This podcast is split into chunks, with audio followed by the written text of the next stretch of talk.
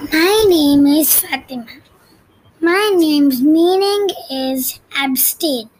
Abst- abstain means to refuse for something.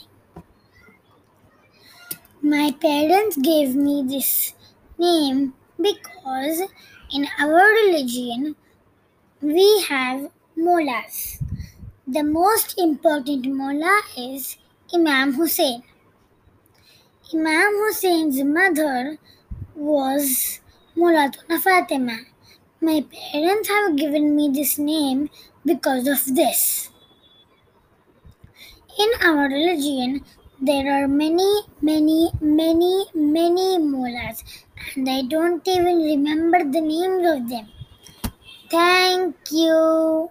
I have created an, an illustration in my notebook. I will share it to you in class.